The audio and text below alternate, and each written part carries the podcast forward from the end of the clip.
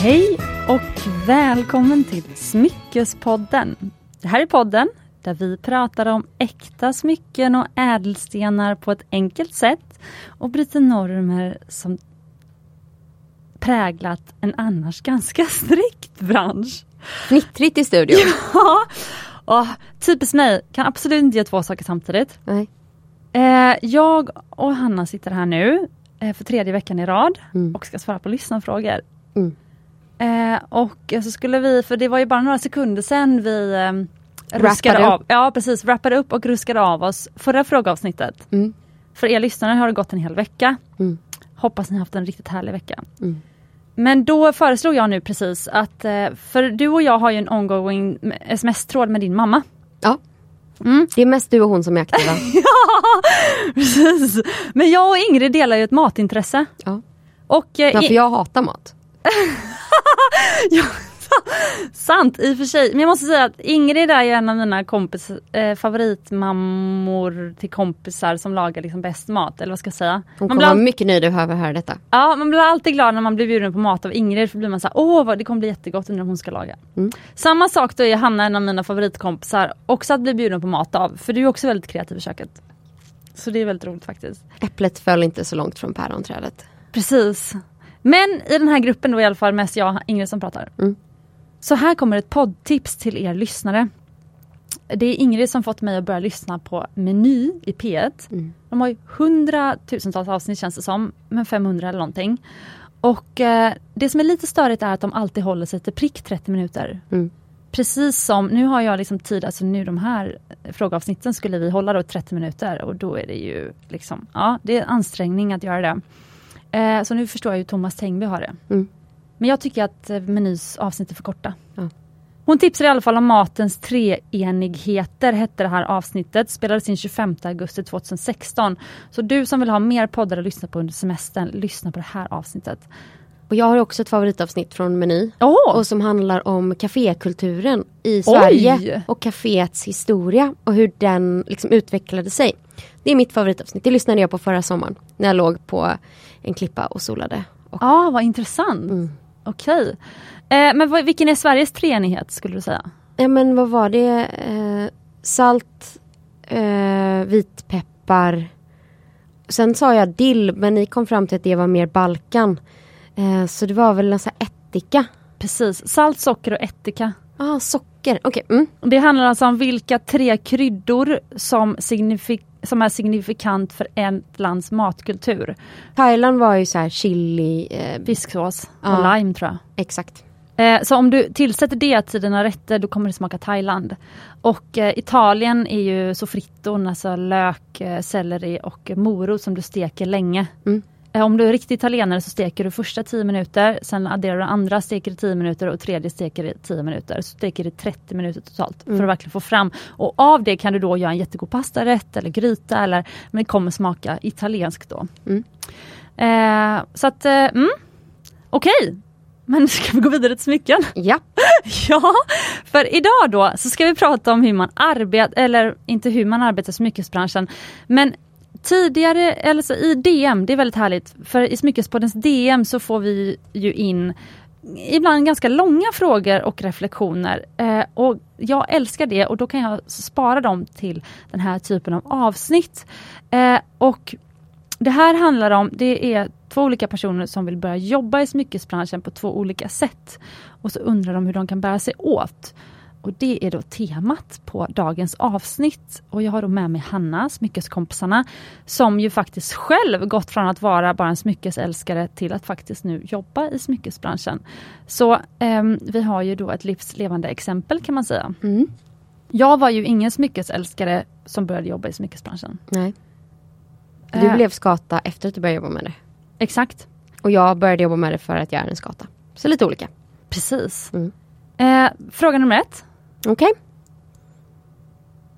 Eh, vänta, du får... Det, det ena har med stenar att göra, det andra har med eh, smyckesmärke. Okej. Börja med stenarna då. Ja, bra, det var det jag tänkte. Mm. Hej! Tack för en fin podcast. Jag är en Blekingepåg som hamnat på villovägar i Sameland, där jag läser lite gemologi och så vidare. Men framförallt sitter jag på min binge och facettslipar stenar. Jag tror jag vet vem det här är. Ja, han skriver lite som du, alltså han skriver på ett väldigt härligt sätt. Han kanske ska skriva en bok. Tre dagar i veckan bemannar jag däremot upp vårdcentralen i Karesuando och sjuksköterskor lite. Nog om det, snart tar plugget slut men jag har ingen erfarenhet av smyckesbranschen. Jag har skaffat mig någon sorts grundkunskap genom podden. Hurra! Hurra! ja. Men jag älskar sten som, en, som jag ändå är bra på och hade önskat jobba med något där jag får se stenar och jobba med personer med kunskap som är lika stentokiga som en själv. Vad skulle ditt råd vara? Eh, snedstreck, en före detta luffare, sedermera sjuksköterska, numera stenman. Mm. Jag förstår att du älskar det här. Det låter som så här killmotsvarigheten till dig Hanna. Ja. Eh, men jag tror att jag vet vem det här är. Och han håller på med lapidary som är liksom eh, ja, men konsten att slipa stenar. Så han slipar jättevackra stenar och han håller på mycket, mycket med roliga färgstenar vilket jag älskar. Mm. Eh, jag hade ju eh, kanske slidat in i Johannes DM. Mm. Berätta, vem är Johannes? Johannes är din stenleverantör. och, Och- andra säkert också. och andras också. Och den största stennörden jag känner. Mm. Eh, och han, det finns ju flera avsnitt med honom där han berättar om hur han är ute i hela världen och sourcar eh, vackra stenar. Mycket safirer, älskar. Han har hittat de stenar som sitter i min vigselring. Så att jag extra shoutout till Johannes. Eh, så jag hade ju slidat in eh, i hans DM på ungefär samma sätt som han gjorde till dig. Eh, och sen, Förlåt, kan du hold your thought? Ja. ja. Vad bra, för att jag vill inte att du ska, eh, den ska försvinna. Men bara en grej kan du skulle kunna ha, Johannes skulle kunna, eller motsvarande då, skulle kunna ehm, svara tillbaka. Tyvärr söker jag ingen personal just nu.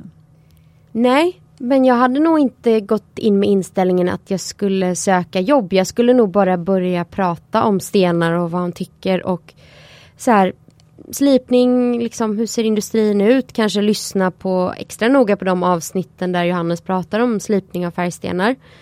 Och sen hade jag nog gjort min lilla runda på Instagram och kollat till exempel vilka svenska märken som använder sig av mycket färgstenar Mm. den typen av stenar som han är intresserad av att slipa.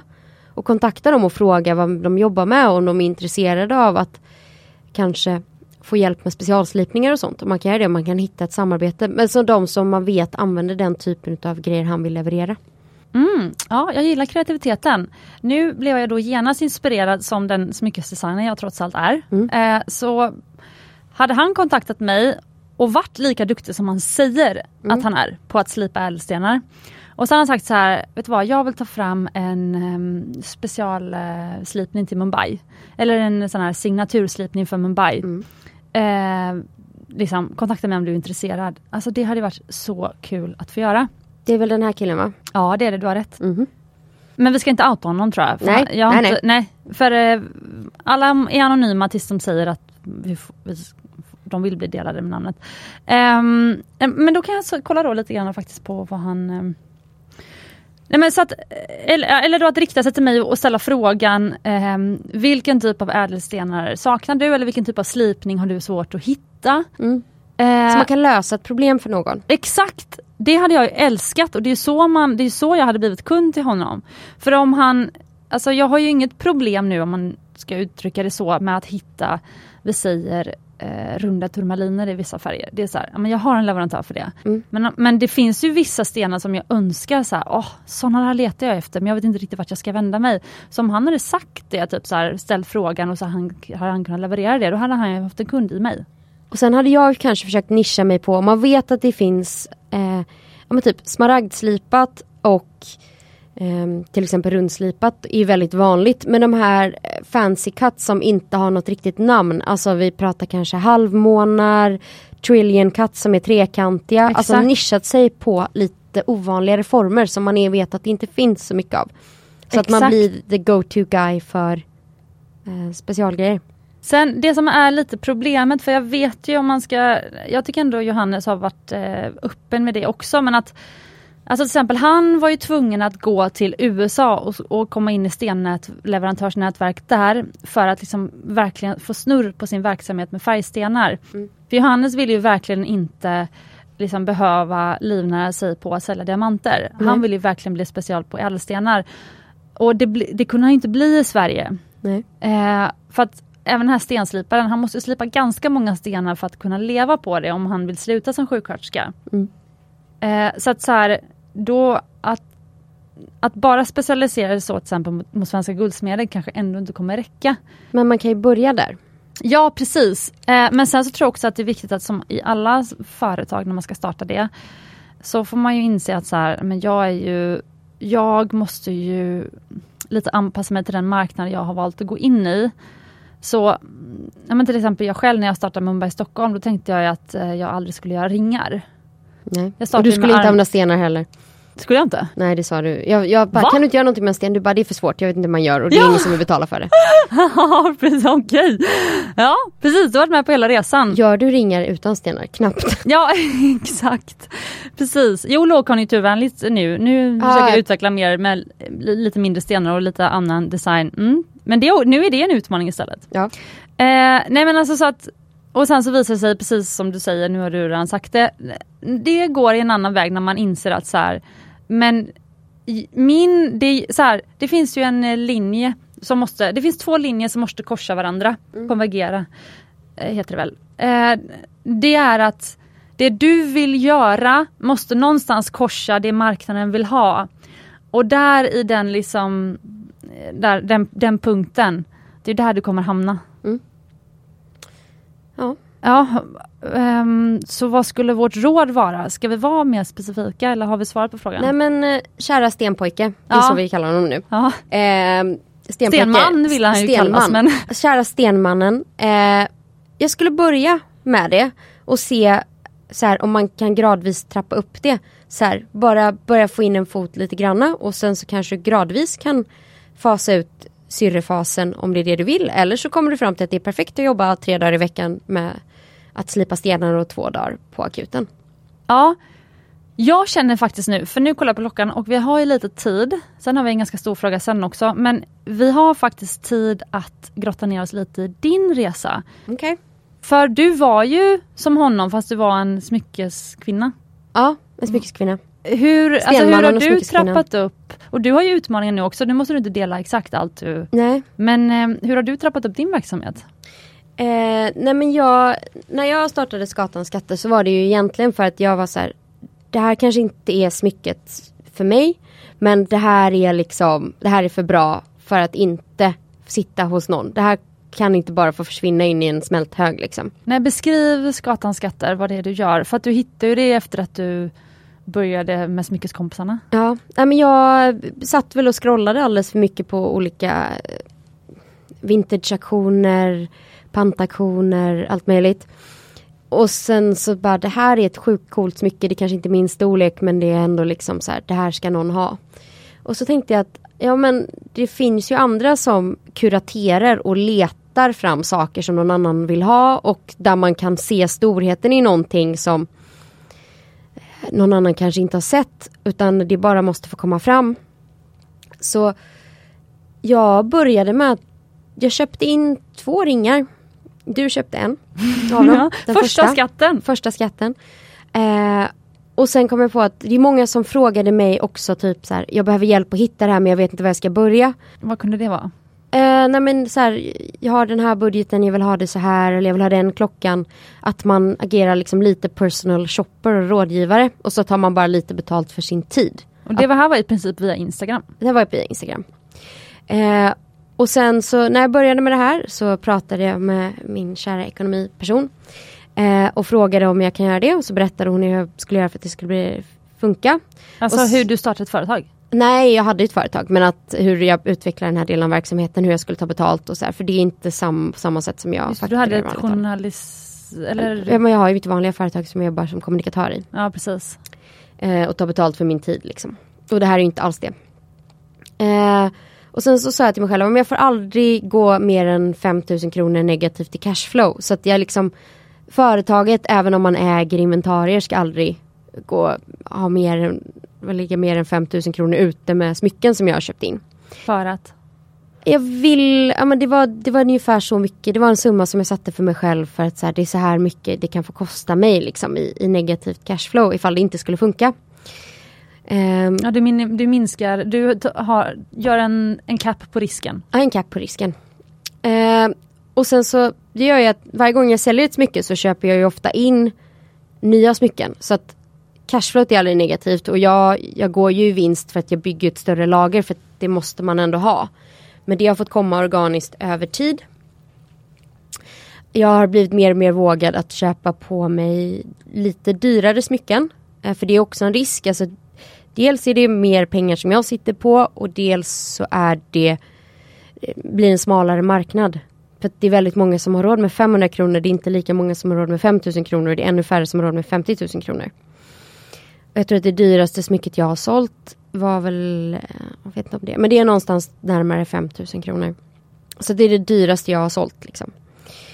Um, och i äkta smyckesbranschen så är det inte jättemycket pengar men Ja, det, var no det är någonstans där jag Du har samtidigt ligger. nischat in det på en fantastisk målgrupp där man där man liksom har chansen att eh, utan allt för stor betänksamhet slå till om man hittar det man vill ha. Mm. Om man liksom, eh, ja det kanske istället för att um, köpa en ny eh, par jeans liksom. Ja, Eller en, precis. ett nytt par skor. Om man tänker att eh, flera smycken som du har sålt kostar runt 2000 kronor. Ja. Och sen, eh, nu tappar jag helt tråden. Det blir bra. Eh, nej men och sen så eh, är problemet med vintage-smycken att det finns ju bara en. Så man måste ju nästan slå till direkt. för När det är sålt så finns det inte mer. Jag kan liksom inte hitta ett exakt likadant. Precis. Jag kan försöka hitta liknande saker men de kommer aldrig bli exakt samma. Men du har hållit på ungefär ett halvår med Skatans skatter nu. Mm. Och du tar ju fortfarande inte ut lön. Alltså jag tar ut lön ur mitt bolag varje månad. Ja men som eh, kommunikatör. Som kommunikatör.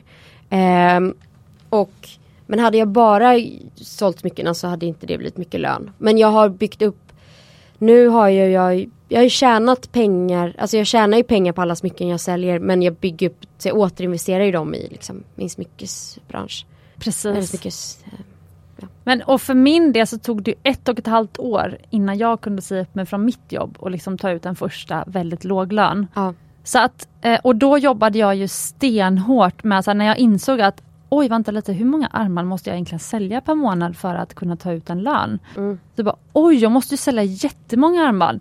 Eh, för jag räknade liksom baklänges med liksom hur mycket pengar jag fick över på varje smycke och så vidare. Och sen så men herregud, då kan jag ju inte sitta här liksom i Guldsmedjan, alltså jag var ju lärling som ja. guldsmed då. Då måste jag ju liksom fokusera på hur kan jag växa mitt Instagramkonto, hur kan jag få fler besökare till hemsidan, eh, hur kan jag ha bättre kundservice, hur kan man eh, kanske göra mer, mer försäljning till de kunderna man har. Mm. Alltså plötsligt var jag så här, om jag ska kunna se upp mig från jobbet så måste jag bli fett duktig på marknadsföring och försäljning. Mm. Och jag tror någonstans i sin entreprenörsresa eller företagarresa så är det där man hamnar. Ja. Och jag jag hade ju kunnat lägga ofantligt mycket tid på Skatans skatter. Eh, men jag, för jag märker också att när jag gör det så hittar mer grejer. Men det var också att för att kunna lägga mer tid så måste jag köpa in mer saker och ha mer att sälja. Och det har fått växa organiskt men nu eh, Ja men nu går det liksom plus. Men på lång, på lång sikt är inte mitt mål att det ska bli hela min business. Utan att det ska vara kanske 20% av allt. Att liksom 20% av min vinst ska komma från smycken. Ja, mm. Bra. Ja, jag hoppas att eh, du Stenman blev lite inspirerad av det här och fick lite tankar även om det förstås inte var ett helt streamlined svar. Men livet är inte streamlined. Så. Nej. Eller eh, spikrakt. Okej, fråga två. Och sista frågan i det här avsnittet. Hej! Blev inspirerad att kontakta dig när jag lyssnar på din fina podd. Jag har länge drömt om att starta mitt eget smyckesvarumärke men har först nu börjat ta tag i det på riktigt. Gör massa research och vissa delar känns inte så svåra. Men just det här med att hitta någon att jobba ihop med, alltså produktion slash guldsmed, eftersom jag bara vill designa och inte vill producera. Och som ska förstå ens visioner i huvudet som kan vara svårt att skissa ner. Har du några tips på communities eller råd vart man kan börja leta? Tacksam för svar. Mm, det här känns som en fråga till dig spontant, ja. inte till mig. Nej, men eh, vad har du för spontan tanke? Eh, oh, jag hade ju kanske börjat titta på guldsmeder som jobbar mer med hantverket och se om man hittar någon som man gillar deras stil. Där man ser att de har ett hantverkskvalitet som man uppskattar och som man tycker känns reko och bra. Och börjat prata med dem liksom. Ja, alltså jag tycker ju att det finns ett väldigt enkelt eh, svar på det hela. Okay. Och det är ju eh, om du har en idé som du kanske skissat ner eller bara kan berätta. Gå till en guldsmed eh, och fråga om den kan göra det. Och så kan den antagligen göra det. Eller så säger den, nej det kan inte jag men gå till den här guldsmeden istället. Mm. Alltså leta dig fram tills du hittar någon som vill göra smycket. Mm. Eh, betala vad det kostar att göra smycket. Det kommer såklart inte vara gratis men du hade ju inte heller gjort någonting gratis. Alltså du som, alltså det är Nej. ju en vanlig affärstransaktion som vill, du kan inte gå till en mataffär och köpa mjölk till billigare pris bara för att Nej. du vill starta ett mjölkföretag. Alltså, så lite grann av det här, kanske det lät lite krasst men Hanna, Hanna nickar. Eh, nej men eh, alltså jag, jag vill ändå, alltså för, så här. Jag har alltid jobbat med svenska guldsmeder förutom direkt när jag kom hem från Indien då, mm. första gången. Eh, men sen så tog det två månader och sen har jag eh, gått som lärling själv och bara jobbat i Sverige. Ehm, men jag vet att det, var, det är väldigt många guldsmeder som talade med mig som blev utsatta för att personer kom in, ville starta smyckesmärken och eh, i princip alltså, hade ingen respekt för dem överhuvudtaget. Eh, så att jag känner så här, det första du måste ha för att starta ett märke vad som helst, alltså ett, vilket företag som helst. Det har respekt för dina leverantörer. Alltså visa dem att, att liksom, alltså de är det enda du har och det bästa du har och om inte du älskar, jag tror det är svårt att starta ett mopedföretag om du inte älskar mekaniken bakom mopeder. Mm. Alltså om, om då lyssnare skriver så här, jag vill inte jobba med produktion eller vara guldsmed för jag vill bara designa och inte producera. Då tänker jag direkt så här, varför vill hon bara designa och inte producera? Alltså att, dis, så här, att, att, att rita och måla en fin, ett fint smycke på papper, då kan man bli konstnär och sälja vackra målningar på smycken, vilket skulle vara, det är ju ingen som gör vad jag vet, så att jag hade gärna haft ett vackert målat smycke på väggen. Men för att skapa ett bra smycke, det är konstruktion, det är hantverk, det är i många fall mekanik. Eh, det är material, det är ädelstenar. Alltså du ska ju älska produktionen. Sen som, som, det för, för, som lite som svaret på förra frågan. Han älskade ju själva hantverket. Och till honom säger jag så här, ledsen men om du vill leva på det och inte vill vara sjuksköterska också eller inte vill ha ett annat extra knäck Då måste du lära dig att älska försäljning, annars kommer det inte funka. Eller så får du gå ihop med någon som älskar försäljning, så ni blir ett dream team. Eh, så att så här, eh, alltså jag vet typ som Natasha Gaudi, hennes, henne, det är hennes föräldrar som startade Gaudi eh, mm. varumärket där på Strandvägen. Hennes pappa var ju guldsmed och hennes mamma träffade kunder i butiken. Mm. Eh, och eh, Gaudi är uppvux eller vad säger Natasha är uppvuxen i ateljén. Hon jobbar ju med att bara designa smycken. Hon har ju då den här lyssnarens drömjobb. Men Natasha har ju så stor respekt för guldsmederna. Hon har lärt sig jättemycket om ädelstenar. Alltså hon kan ju guldsmide så väl. Kanske inte i händerna men i teorin, för hon älskar det. Men jag tror att du också så här, kanske läst in den här frågan. Jag tänker att man får Cyniskt. ha respekt ja, för att mm. man kanske inte vissa saker översätts inte bra i text. Eh, eller så här, man svårt att förmedla känslor. Det finns ju ingenting att säga att den här personen inte älskar hantverket men precis som du inser att min styrka om jag ska kunna leva på det här så måste jag tänka så här. Det är kanske där de redan har gjort färdigt den tankeprocessen. Eh, med det är inte sagt att man inte älskar hantverket bakom men man bara bestämmer sig för att det inte är det man själv ska göra. Jag har ja, till exempel svar. bestämt mig för att kuratera och sälja vintagegrejer. Jag vill inte designa egna smycken utan jag vill hitta det som är bra. Så det är ju en annan, för det var min nisch. Ja, men vet du hur jag läser in det här, det här eh, meddelandet? Mm. Det, jag läser in det som att du hade sagt, jag vill bara sälja vidare smycken eh, men jag vill inte lära mig någonting om eh, ädelstenar eller guld eller material eller det jag, liksom, det jag säljer. Jaha, nej men det går ju inte. Nej jag, det går man inte. Måste ju, ja, att, att jag ens kan göra det gör är ju för att jag har samlat på mig kunskap om vad jag säljer. Och jag kan rådge folk. Liksom, Precis. med ganska rak rygg. Eller i alla fall hitta folk som kan. Mm. Eh, men jag ska också faktiskt säga, för nu, eh, jag känner jag vill... Eh, Du vill pudla här- lite. vad sa du? Du vill pudla lite. Nej men det här är, är lite som eh, när man så här känner att gud jag blir känslosam direkt. Men jag har faktiskt skrivit ner ett litet svar med tankar som jag fick när jag liksom skrev ner frågan i manus. Mm. Och det jag skrev då, som är lite mindre känsloladdat, är det finns många vägar till Rom men det handlar precis om att vara chef. Först ska du lära dig leda dig själv. Och att då eh, starta smyckesmärket till exempel, lär dig att vara människokännare. Om hon säger så här, har du några tips på communities eller råd vart man kan börja leta efter eh, de som vill jobba med en och förstå ens visioner, vilket var hennes fråga. Då blir jag så här, lär dig vara människokännare, var ödmjuk och trevlig så folk vill jobba med dig. Alltså, alltså hitta de, eh, alltså när du frågat dig runt och kanske liksom, eh, pra- träffat guldsmeder och, och pratat med steninfattare och, och alla människor som du behöver runt dig. Alltså då behöver du ju vara Ja men alltså du, du vill ju vara världens finaste, mest ödmjuka människa som gör att folk känner så här, men gud, dig vill jag jobba med, du känns som en rolig kund att ha. För det som är bra med att vara guldsmed åt ett smyckesmärke också är ju att alla guldsmeder jag jobbar med är ju fristående.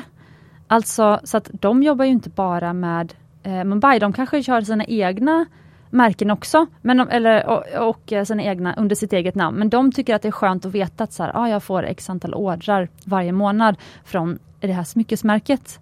Så, så här, det kan ju vara en väldigt skön grej att ha en sån här återkommande kund. Vissa guldsmeder har ju kommuner eller eh, så här KTH-ringar eller alltså många guldsmeder har ju den typen av jobb också.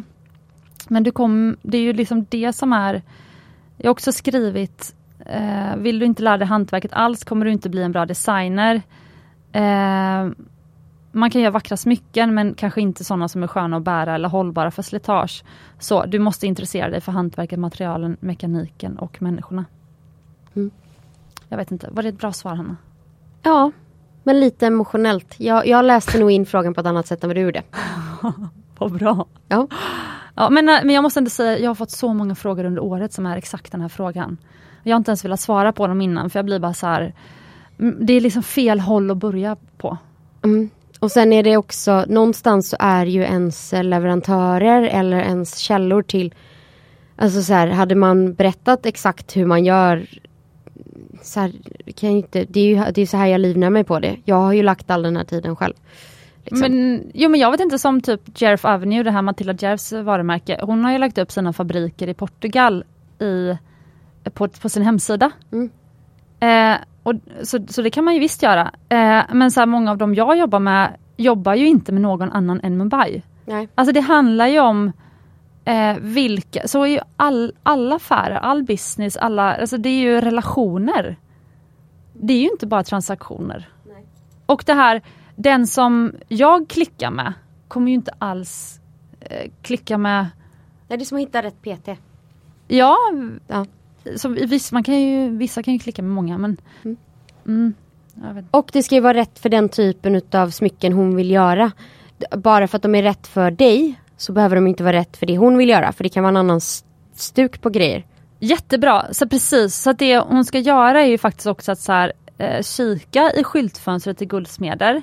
För det som också är, jag vet att många guldsmeder tyvärr verkar behöva lägga ner nu. Mm. Men om de skulle få en sån här stabil leverantör, så att hon skulle starta smyckesmärke och skulle köpa in dem, då kanske det, det skulle göra att de klarar sig ur lågkonjunkturen. Så det kan ju vara helt fantastisk möjlighet som hon erbjuder dem. Men hon ska ju absolut välja den, den guldsmeden som liksom Ja, som hon Som hon klickar med. Ja men också som designmässigt kanske liksom korrelerar med det de har gjort innan i sina egna kollektioner eller alltså något som så här, de har erfarenhet av. Så man inte går till en läderspecialist och vill göra liksom bomullskläder. Mm. Ja, jag vet inte. Okej, ehm, Var det sista frågan eller hade du mer? vi har en bonusfråga. Det är den här om man kan ha två separata ringar. Hinner vi ta den nu tror du? Ja. Ja, okej. Ehm, då är det alltså en tjej som har en enda stor förlovningsring och en annan stor vigselring som hon inte vill ha ihop tillsammans. Mm. Hon skriver alltså de går inte ens ihop med varandra. Nej. Tanken är att kanske använda förlovningsringen ibland och vigselringen ibland och variera mellan de här. Bland annat för att jag inte vill slita på förlovningsringen som jag är rädd om. Men också för att jag inte tycker att någon annan ring, typ alliansring, passar till förlovningsringen eftersom den är så stor och fin ensam. Nu är man ju nyfiken på att se den här ringen. Ja, jag har en bild. Oh, eh, men jag har en tjejkompis. Eh, shoutout till äh, två. två. Jag har två annor i mitt liv. Oh wow. Eh, jag måste få kolla på den senare. Men... Du får beskriva. Ja men jag måste se då. Okej, okay. det är en stor rundslipad eh, diamant i mitten. Med mm. en halo av lite större stenar. De ser ut att vara nästan 0,05 eller 0,1 runt. Så att det nästan mer är som en eh, karmosering fast med bara vita stenar. Ja, men jag skulle också säga att det är en ganska klassisk förlovningsring. Ja det är den. På håll ser den ut som en stor solitärdiamant. Ja. Men det är i själva verket ett kluster av många ja. och en stor. Mm. Med lite vintage-vibigt nästan. Ja det var det, håll ja. med. Eh, med rödguldsband. Mm. Så kan vi säga. Nej men jag har en, jag har två tjejkompisar som heter Anna. Båda har sin förlovningsring på vänsterhanden och vigselringen på högerhanden. Ja, de är gifta med varandra? Nej. Nej, Nej det, det här är, eh, det är inte, jag har alla mina kompisar heter Anna. Eh, så att jag har en tjejkompis som heter Anna som har en smaragdring faktiskt. Okay. Som hennes kille valde utan någon slags input från någon annan. Mycket, mycket bra. Eh, I vitguld med en halo av vita diamanter små och sen är eh, bandet, eh, ringskenan är liksom, går som två små band som smalnar av till ett och de är också strösslade. Mm. Eh, och den är supervacker, superfin. Och sen så pratade om vad man skulle kunna ha för vigselring och då var det så här, skulle hon ha en öppen ring eller så här, det, det, liksom, det, var, det var svårstackat liksom. Eh, men hon valde faktiskt att skaffa en rödguldsring, eh, ett eternity band. Eh, från en svensk smyckesdesigner som heter Malin Ivarsson och som hon har gröna diamanter på blandat med gröna och vita med lite space emellan så att det sitter några stenar och så kanske lite mellanrum. Ja. Och den har hon på högerhanden. Och jag rådgav henne också att skaffa en ring med då, för Anna är, lagar mycket mat, påtar mycket i trädgård. Så här, jag bara, du har en smaragdring som förlovningsring, var lite försiktig med den. Men då ska, valde hon en vigselring som är lite mer hållbar och lite mer lättstädad om man säger. Bär hon dem ihop då? Inte på samma finger, hon bär dem en på varje finger i så fall. För jag håller ju med den här lyssnaren om att ganska ofta, alltså jag kan bli lite besviken när vissa väljer sina vigselringar för jag känner så här liksom den inte tog död på förlovningsringen men att så här, förlovningsringen var så himla fin innan och väljer man inte exakt rätt stackingring som passar så tycker jag att det kan eh... Nej, personlig erfarenhet där. Här valde ju, när jag valde mina ringar så tänkte jag hela tiden på hur stacken skulle bli. Ja. Jag friade ju till min man. Hade inga ringar och när jag gick till dig sen så var det så här, jag har tänkt så här. Och så de, när jag valde dem så valde de hela tiden alltså med tanken att de skulle funka ihop. Ja. Så att de valdes inte i isolation. Precis. Eh, men just det här också, för jag kan hålla med om henne att det just är en så klassisk ring med liksom, naket guldband med sen här stora liksom, mm. eh, glittriga liksom, i mitten. Då kan jag hålla med henne om att så här, men skulle jag ha en sån ring, då skulle jag ha en ring på varje sida.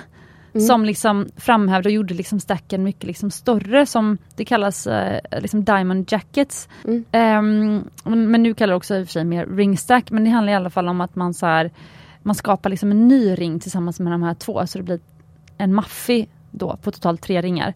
Um, så jag hade nog inte nöjt mig med bara ett liksom, Eternity Band för att det blir lite, jag gillar asymmetri. Men det är någonting i det som gör att jag känner att jag vill ha inramning runt båda. Mm, jag har också tre ringar för att jag tyckte att det blev mer symmetriskt. Men jag har ju också gjort en ring då till den här stora diamantringen. Jag har mm. pratat om den här 8 karatan tidigare. Ja. Med smaragdslipad diamant. Och det är också en väldigt maffig ring. Den ligger på Smyckespoddens Instagramkonto. Mm. Eh, hon har ju på sitt andra ringfinger en, eh, ett eternity band med smaragdslipade diamanter. Ah, snyggt. Ja, så hon har ju två maffiga ringar men på varsitt ringfinger. För när vi skulle börja skapa stackingringar och då var det just att vi skulle ha två stackingringar till. Eh, eller vi började med en, strunt samma, vi provade allt möjligt. Eh, då var hon så här, nej men alltså jag kan inte ha en till ring till den här. Nej. För den här ska få vara själv, den här stora liksom solitären. Ja, och sen man kan ju, mam min mamma har bara en, hon la alla pengarna på vigselringen. Det blev ingen förlovningsring, hon har en ring, punkt. Och det var det. Precis, för det är också en budgetfråga. Eh, ja, Kan men hon, hon ville kötta på med stenarna i, hon har en sju, femstensring också. Mm. Men med lite större vita stenar och den har hon själv. Sen stackar hon i och för sig den nu med andra grejer för att hon tycker det är kul. Men hon Den var aldrig, den, den fick vara själv. Och sen har jag min andra kompis Anna då som eh, hennes kille hittade en helt fantastisk eh, gammal vintage-diamant som sitter i en vitguldsfattning. Den sitter väldigt lågt så själva skenan fäster liksom inte under fattningen utan fattningen är ganska stor och ganska rund. Och sen så sitter ringskenan i själva fattningen så att den ligger liksom kloss på fingret. Eh, ja men, Mm. Du menar att man bryter av ringskenan med stenen? ja precis. Okej. Och hon har en vintage femstensring som vigselring och den har hon på högerfingret för att det fanns ingenting som stackade riktigt. Hon ville ha båda vintage. Så då har hon också en på varje finger. Mm. Eh, alltså en på vardera ringfinger. Jättebra, då har vi exemplifierat med totalt tre personer Mm. eh, som har den här varianten. Eh, så att eh, självklart är väl vår fråga, man kan ha två separata ringar. Vi till och med rekommenderar det ibland kan man väl säga. Ja. Och där var våra sommarfrågeavsnitt slut. Mm. Det känns nästan lite tråkigt. ja. Ehm, kanske att vi drog över några minuter med det här men jag tror att vi har hållit oss till ungefär en halvtimme på alla avsnitten. Mm. Ska vi high five på det Hanna? Hur kändes det att spela in det här? Intensivt. Ja. Jag känner att jag behöver ta en paus nu. Ja. Ja. Men det var kul. Det var väldigt roliga frågor. Mer frågor. Ja, sant. Skicka in mer frågor så vi kan smyga in dem i vanliga avsnitt också. Precis, för, för eh, precis. frågor och reflektioner eller bara sådär. Kan inte ni snälla prata lite om det här? Jag skulle vilja höra era tankar. Och dela personliga anekdoter. Ja, vi älskar jättekul. en god anekdot. Precis. Mm. Och då skriver man antingen till Smyckeskompisarna på Instagram eller till Smyckespodden på Instagram. Mm. Och eh, om ni har tid, gå jättegärna in och ratea Smyckespodden. Eh, jätteroligt. Till dags dato så har vi Nu sitter Silja och scrollar här men då, då kan jag, Jag kan- göra lite skamlös self-promotion. Vill man stötta Samuel som vi pratade i första frågeavsnittet Ja. så kan man välja valfri barnfond och donera, liksom, man kan donera en 50-lapp bara. Eller så kan man alltid få eh, Samuel-rabatten hos Skatan. Alltså att man får lite billigare om man väljer att skänka den andra summan till en fin organisation som gör saker för våra barn. Så man betalar fullpris för smycket men du tar inte emot fullpriset utan du eh, skänker en del av det till en barnfond. Eh, ja, jag har faktiskt gjort så att jag har tagit, jag har fakturerat det rabatterade priset och så får man själv gå in och donera för jag insåg att jag inte visste hur man bokförde välgörenhet. Och det var inte läge att fråga. Nej. Nej. Ja vad fint. Ja, det var en ännu viktigare promotion eh, så jag behöver inte ens eh, gå in på eh, Smyckespoddens recensioner. Det kändes väldigt, men det var fint. Ehm, och då har vi faktiskt knutit ihop säcken från första till tredje sommaravsnittet. Och så vill vi önska alla en underbar sommar. Lukta på blommorna, ligg i solen, läs en bra bok, lyssna på era favoritpoddar och krama dem ni älskar. Ja precis.